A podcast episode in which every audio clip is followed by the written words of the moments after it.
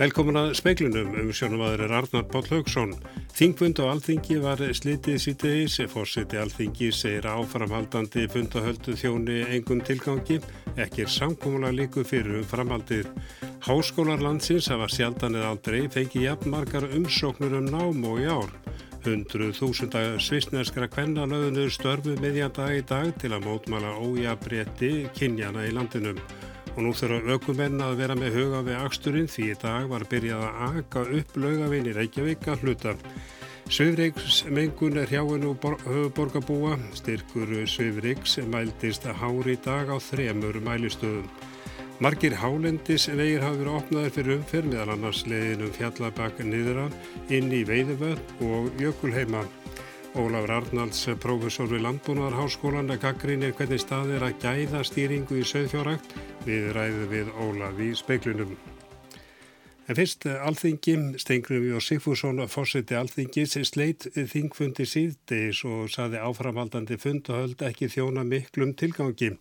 Ekki samkómulega leiku fyrir um framhaldið. Hann segir að hægt sé að ljúka þingstörfum á tveimur til þremur dögum ef sæmilegt andrúsloft verði til þess en samningalótan er sér óvinni flókin og strempin. En hvað segir hann um framhaldið með þar uppákomur sem hafa verið síðasta sólarhingin? Já, það er, það er erfitt að segja. Við höfum heilmikið verkefni eftir þó vissulega hafi dagarnir nýst svona upp að vissu marki og fækka verulega þeim málum sem eftir eru en þau eru mörg hver stór búið að ræða þau reyndar mörg en umræðanum ekki lokið þannig að þetta stendur svona alltið opið og er þar alveg afar háð því hvernig andrúnslótt verður þegar við hittumst hér á þriðudaginn kemur og ég vona svo sannarlega að þá hafi mönnum nýst tímin vel bæði til að kvíla sig og reyna að ná betur saman. Finnst þér þetta óvinni flókin samningarlóta um þinglókin? Já, allir ég verði nú ekki að segja það. Hún er óvinju flókin og strempin kemur til af ímsu, við erum auðvitað með fleiri flokka í stjórnarnarstöðu en okkur sinni fyrr e, og stjórnarnarstaðan er dáltið að mista okkur stíð tvískipt í þessum e, samtölum sem hér hafa átt sér stað. Saði Stengrim Jósef Hússon í Alþingishúsinu nú rétt á hann að Jóhanna Vigdís Hjaltadóttir talaði við hann. Sjaldan eða aldrei hafa jafnmarkir sótum með nám eða nám borist háskólum landsins. Aðstofrektor Háskóla Íslands segir að fjölgu nefnda ekki koma niður á námunum en hún komi niður á kennurum að einhverju leiti. Háskóla Íslands bárist tæpla 5.600 umsóknir um grunnnám fyrir næsta skóla ár og er það um 13% af fjölgun frá því fyrra. Tæpla 1.900 umsóknir bárist um grunnnám við háskólinn í Reykjavík sem er um 10% af fjölgun. Alls bárust 1638 umsóknir um grunnam við háskólan á Akureyri eru það örlítið færri enn í fyrra en skólinn þarf samt sem áður með að vísa mörgum frá. Skólinn herti aðgámskröfur í ár til að stemma stigu við fjölguninni. Háskólanum á Bifuröst hafa borist 168 umsóknir um grunnám sem um 10% af fjölgun. Umsóknarfrestur renni þó ekki út fyrir hann á morgun hjá skólanum. Steinun Gestóttir, aðstofarektor Háskóla Íslands, segir fjölgunin að vera á öllum fræðasviðum en sérstaklega í greinum þar sem samfélagið hafi sérstaklega kalla eftir auknu vinnuframlægi eins og í kennaramentun og hjúgrunafræði. Steinun segir að fjölgunin kom ekki beint niður á námunni eða nefnundum, þá segir hún að ekki þurfa að vísa nefnundum frá sem uppfylla öll skilirði. Það kemur kannski niður á starfsfólki á vissan hátt. Við sáum það náttúrulega mjög vel eins og í hruninu þegar við tókum við gríðalegum fjölda og auðvitað reynir það á starfseminna. En við erum bara alltaf að þróa námið og við tristum okkur algjörlega til að taka móti öllum þessum nefndum. Þetta var Steinur Gjestóttir, Yngvar Þór Björnsson eh, tók saman og talaði við hana. Hundruð þúsunda svisneskra kvenna lögðuðu störfu meðjan dag í dag til að mótmæla ójabrétti kynjana í landunum. Það gerur þær 28 árum eftir að viðlíka kvennaverkvall fór fram í landunum. Þá var því helst mótmælt að engar konur voru ríkistjórnlandsins og engin er réttur til fæðingarorlós bundin í lög. Kortveggja hefur breyst en nú eru kröfunar aðrar, launamennu kynjana mælist nú 20% í Sviss og þó að konur hafi rétt til fæðingarorlofs er það dagvistun barna af skornum skamtu og dýr. Konurnar mótmælt undir merkjunu frá en stræk og fjólublár var enginni slitur mótmælana. Aksturstefnu hefur verið breytt á laugavegi en frá með deginum í dag er kert upp laugavegin eða í austur frá klapparstíg og frakkastíg. Þó er enn ekki niður laugaveg frá hlemmi en aðeins að frakastíg og þann er einstefna niður á hverfiskötu. Margir heldur þó í vanan í dag og tölverð umferðateppa myndaðist að bílar kerðu á móti einstefnunum. Formaður skipulags og samgöngur ás Reykjavíkuborgar segir breytinguna ekki tímabönda, heldur hlut af þrógunu Reykjavíkuborgar að gera allan laugaveg að göngugötu. Tilgangurinn er í grunninn tvíþættur. Það er að segja að við viljum dreifa umferðar álæginu betur og létta á þessum hluta sem að axturstefnun er snúin við. En hann er líka sá að það var í raun og veru þannig að allir sem áttu erindi á laugaveginn fóru nýður laugaveginn og alveg að göngugötu svæðinu og það sem að gerðist ítrekkað síðustu sömur var að bílar fóru inn á göngugötu svæði og setti það á börn og gangandi vegfærandur í hættu. Þannig að við viljum koma í veg fyrir það með þessu. Þetta var Sigurborg Ósk Haraldsdóttir og þetta verður aðeins sjónrætna í sjónvarpun á eftir. Sviðreismengun er hjá hann og höfuborgarbúa í blíðun og þurkinum styrkur Sviðreik sem eldist hári í dag á þremur mælistöðum. Sangvænt helberiðsettiliti Reykjavíkur berst nú í blíðunni sandur frá langjökli yfir höfuborgarsvæði. Búist er við að þetta ástand var í næstu daga því ekki er gert ráð fyrir að það fara að regna fyrir enn í fyrsta lagi á þriðu dag. Þeir sem eru viðkvæmi fyrir svifriki geta fylst með ástandunum á vefnum loftgæði.is.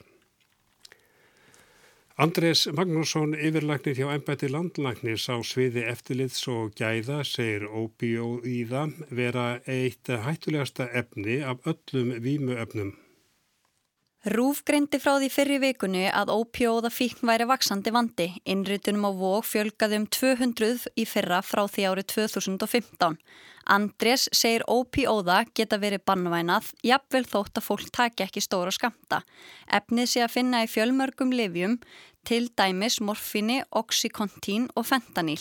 Gjarnan séu lifin sett á markað sem verkjastillandi liv sem ekki er að vera ávanabindandi þó það reynist oft raunin.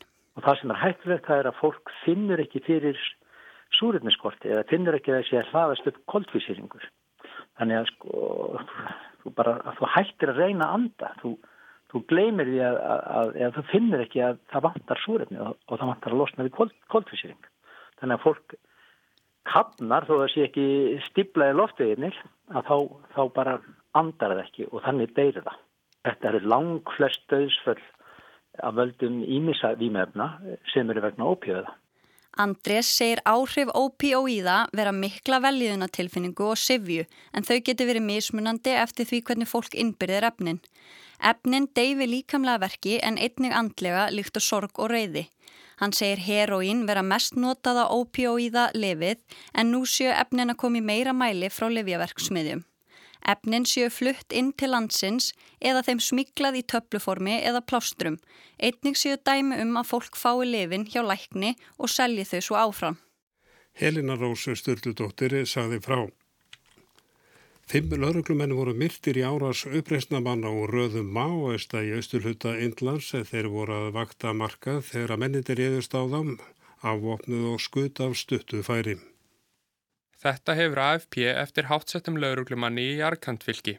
Uppreysnamennir flúðu af vettfangi en fjölmend lauruglulið hefur verið kallað út til að hafa hendur í hárið þeirra. Fylkið er eitt að fátakast í Indlandi þó það sé auðugt af auðlindum. Máistannir segjast berjast fyrir bættum réttundum íbúa fylkisins að þeir fái aukna hlutild í tekjum af auðlindum og meira land. Tugir þúsunda hafa fallið í árartöga löngum átökum máista og indverskra öryggisveita. Þúsundur lauruglumanna og sérsveitarmanna hafa barist gegn mávistum, vítt og breytt um landið síðustu ár.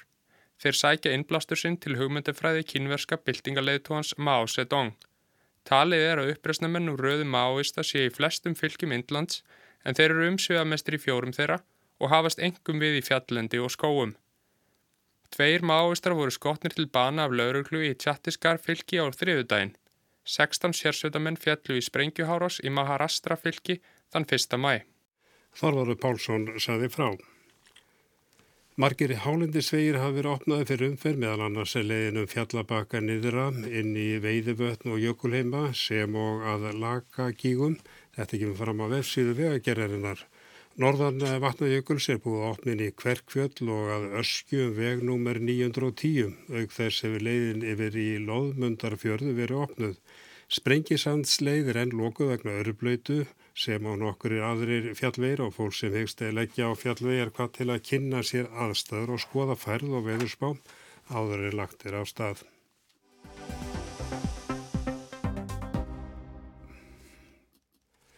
Í búverusamningnum er hveð á um beingreislur eða greislur vegna gæðastýringar í söðfjárækt.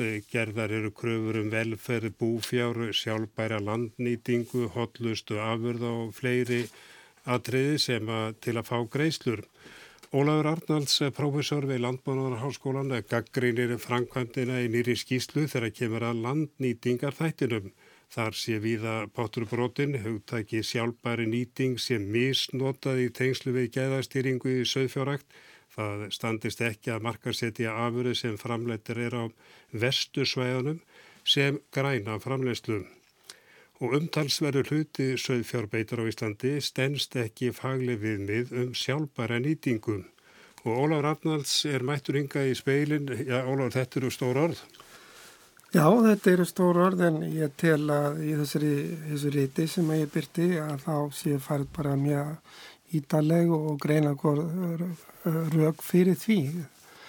Það virðist vera sem að það hefur verið hort alveg fram hjá hvað hugtæki sjálfbar landnýting felur í sér. Það hefur ekki verið hort til svona alþjóðlega vísinda í, í hérna fyrir þetta hugtæk, sem snertir þetta hugtæk Það hefur verið notið fá skilgreining og fá hefur skilgreint ákveðna pillars eða, eða svona stóðir undir hugtækinu sem að e, lítur að sjálfbæri landnýtingu og, og það er alveg ljóst að, að landnýtingu íllaförnum landi á Íslandi fellur á öllum þessum viðmiðum, gjörsanlega. En förum aðeins örstuðt í það hvernig kerfi virkar. Þetta snýst um það að bændur sem eru með söðfið þeir geta fengið styrki að það er hlutur af þessari gæðastýringum.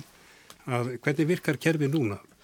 Bara, eh, Til að... þess að það, er farið einverðið grófan dráttum og, og með, með korta upplýsingum og fleiru og þar sem að ljóst er að það er svona áhöldum að, að landi standist á hvern viðmið að þá er það skoða betur og, og hérna síðan þar landnýting á þessum svæðum og þetta eru um 36-7 afréttar svæði sem að það er þannig ræðir sem að þurfa að standast ekki þessi viðmið að þau þurfa að gera landbóta áallanir. En framkvæmdinn hefur verið svo að þessi viðmið hefur verið slakað á þessi viðmið mjög í gegnum tíðina. Þvert gegn vilja fagstofnunar landsmanna, landgræslunar á þessu sviði. Og það sem er ennþá merkileg er að síðan uh, hérna þó að þessi svæði kól falla, alveg skýt falla á þessum viðmöðum en það liggur fyrir einhver landbóta állun sem er þó alveg ljóst að viðmöðum verður ekki náða næstu 5 eða 10 eða 50 eða þessum 100 árum þá fáður bara sjálfkrafa vottun. Og þetta er svo... Þú segir eitthvað sko allir bændur fái raun og veru... Allir í landinu og meðal annars allir þessir sem eru þó kannski ekki nema 15% fjárstofsins og 3% landbúnaðarins en þetta er afskaflega slæmt fyrir alla hérna sem eiga gott land og ég veit að mjög margi bændur sem eru að beita gott land þeim finnst það súrt í broti að menn sem eru að beita ónýtt land bændur og fremlegendur sem eru að beita ónýtt land skul geta bara fengið vottun líka og og, og þetta er líka falst auðvitað gagvart neytind, þetta er mjög alvarlegt mál.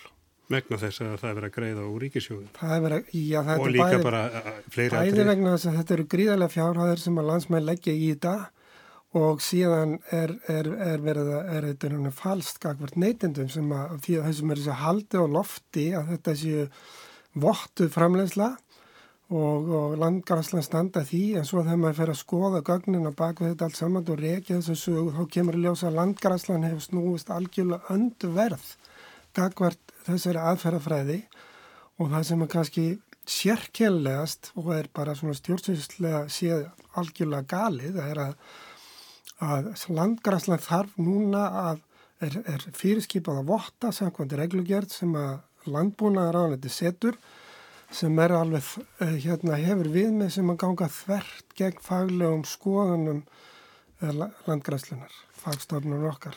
En þú vísa til þess að um aldamótunni þá voru menni í góðum gýr og skrifundu viljefylýsingu og þar er farið nákvæmlega yfir þetta hver, að hverju eigi að stefna í sambandi við landnýtingu og gæðastýringu og þarna skrifundir landgræslan, landbúnar á þeirra bændarsamtökin, landsamtök og sjöðfæribanda. En þú segir beinleins að það sé búið að hverfa frá þessum viðmiðu sem að voru sett á? Já, aðferðafræði var einhver aðkomi. Þarna var, var hugsað að reyna að ná sáttum þessa framlegslu. Þróun hefur síðan bara orðið svo að það eru þrýr aðalar sem að koma að þessu reyka þetta sem er landbúnaðarhandi og matvælustofnun og bændasamtökin. Vísinda fólk eh, hefur ekki, eh, ekki aðkomi að þessu eða frjálsfélagsamtöku aðri sem láta þessi þessi mál varða og það er farið algjörlega þvert gegn vilja landgræslunar sem er okkar fagstofnun á þessu sviði. Já, ég myndi skil ekki alveg hver þáttur landgræslunar er í þessu núna.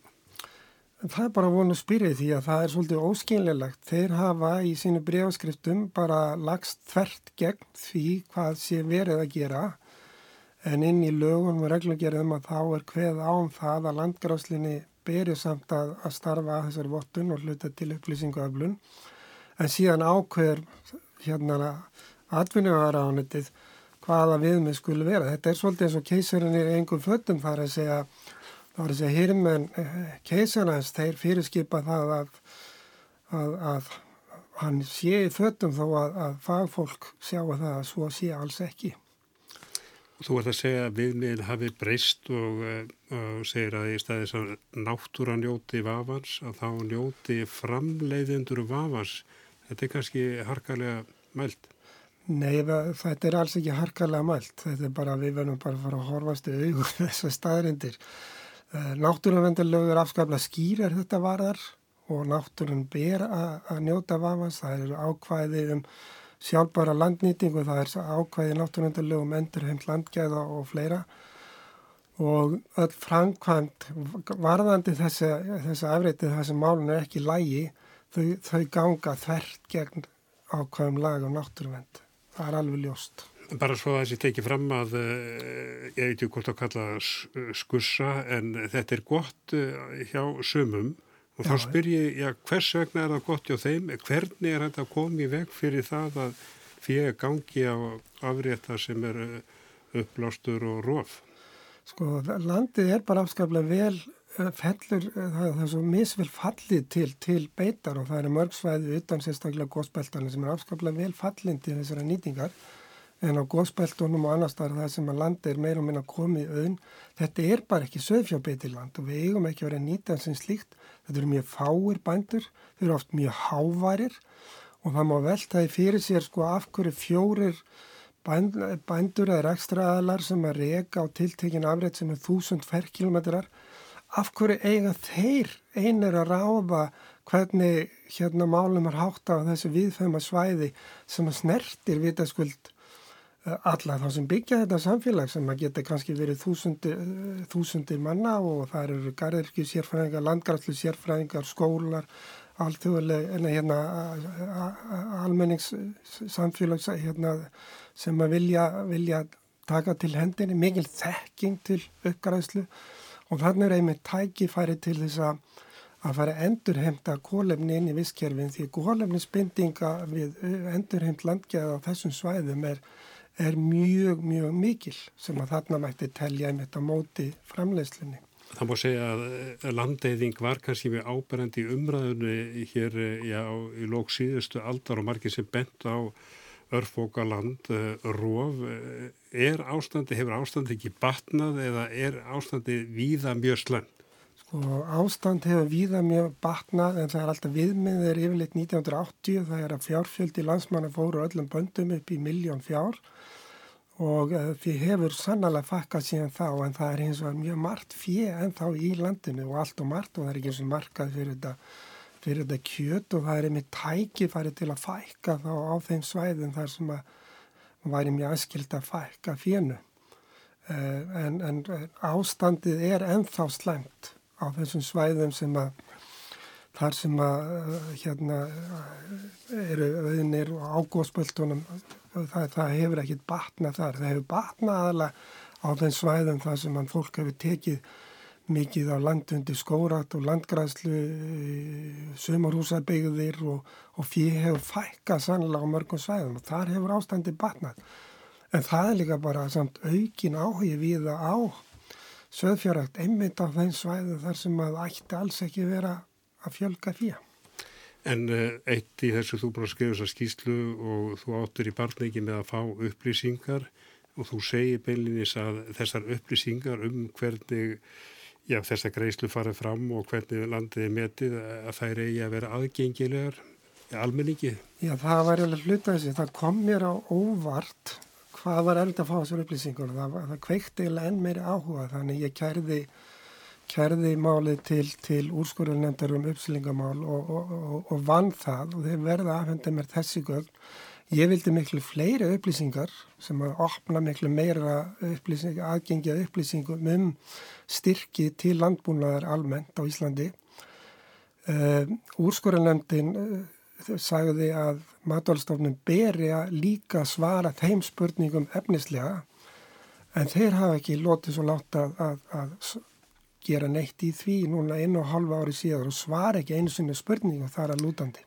Þessi er að ljúka hjá okkur bara örstut um hvernig þú sér framtíðina fyrir að það kemur fram í skýslunni að frá held í 93 hafi lögum að landbúna verið breytið 47 sinnum en þarf að breyta lögum, þarf að taka á þessu. Það þarf að taka á þessu.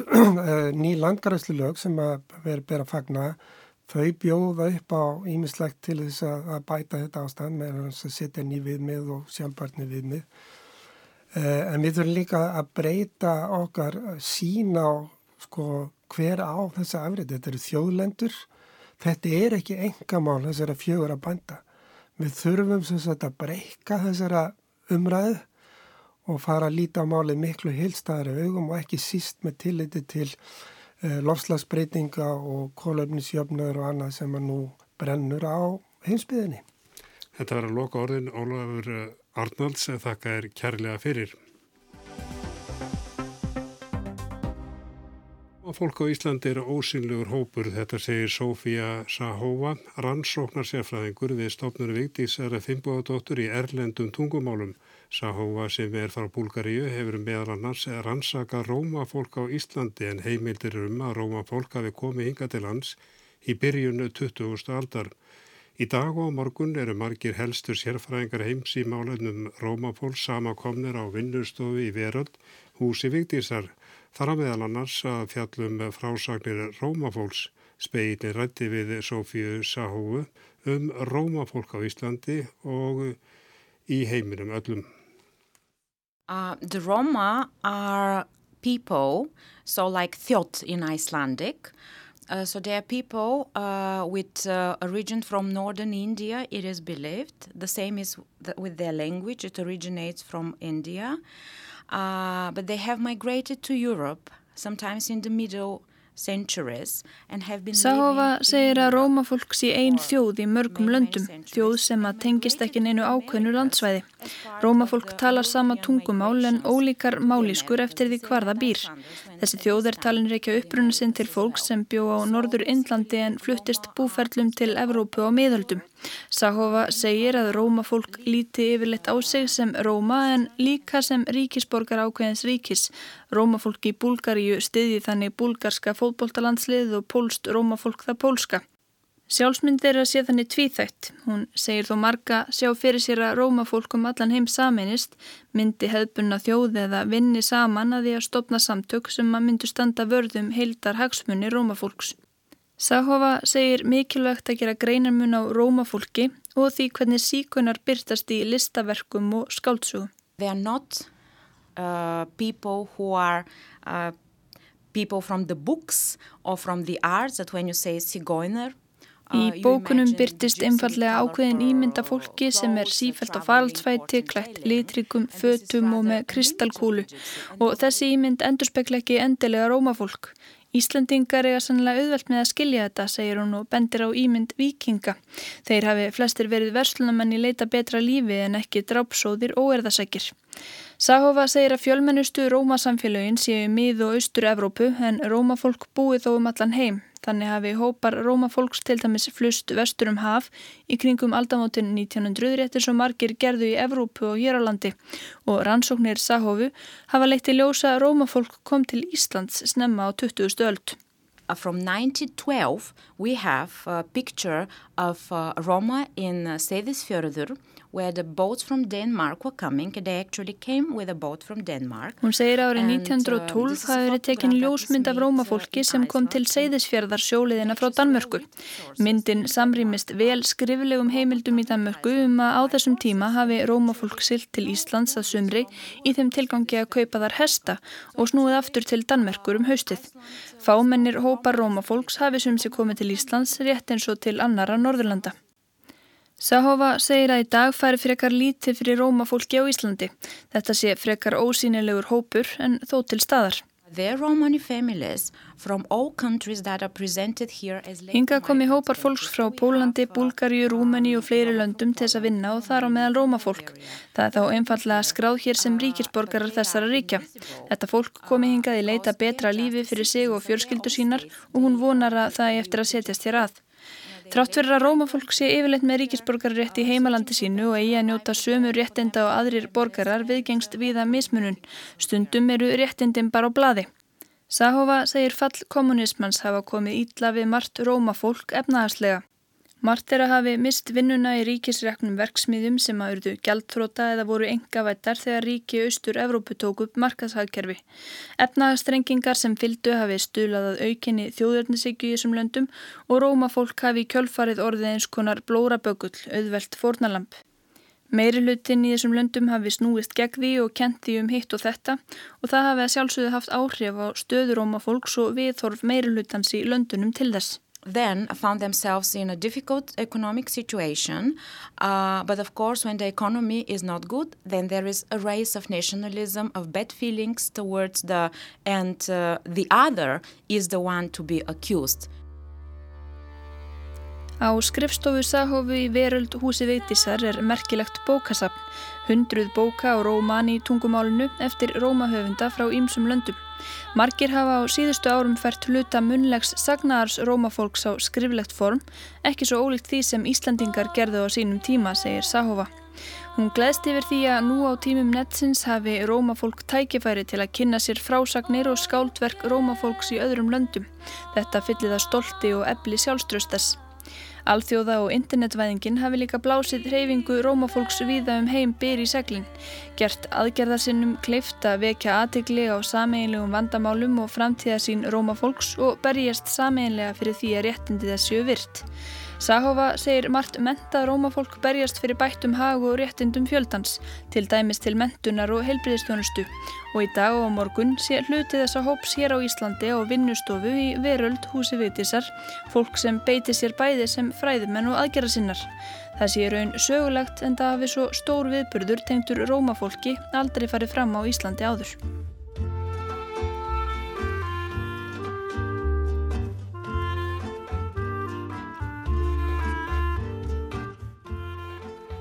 Það var Arnildur Haldanardóttir sem að ræti við Sofíu Sahóa og hér heyrðum við brot úr rómalæginum Elder Lesi. En við sögum frá því í speiklunum í kvöld að uh, þingfundi og allþingi var slítið síðdeis og ekki samkómulega leikur fyrir með framhaldið og fórsiti þingsins Stengriði og Sigfússon sagði að að svo stötu væri áframhaldandi fund og höldu þau þjónuð einhvern tilgangi. Og við sáum líka frá því að Háskóla landsins hafa sjaldan aldrei fengið jafnmargar umsóknur um nám og í ár. Og nú þurfa aukumenn að vera með huga við ásturinni því það var byrjað að aka upp laugavegin að hluta. Það verður að hafa það í huga þegar menn fara á rundin. Sveimengun er hjá hennu höfuborgarbúa, Svif, styrkur svifrik sem eldist hári í dag á þreymur mælustöðum og það er útlitið að það verður þurft og mikil blíða sunnan eða suðvestanlands áfram og kannski um allt land, ég er endur ekki með veðurspána og að það ber ekki að regna hér á höfuborgarsvæðinu fyrir á þriðutaginn kemur. En það er ekki mikið meira í speiklunum og framöndan er 17. júni á þriðutaginn Tæknumar var Mark Eldred, verið sæl og góða helgi.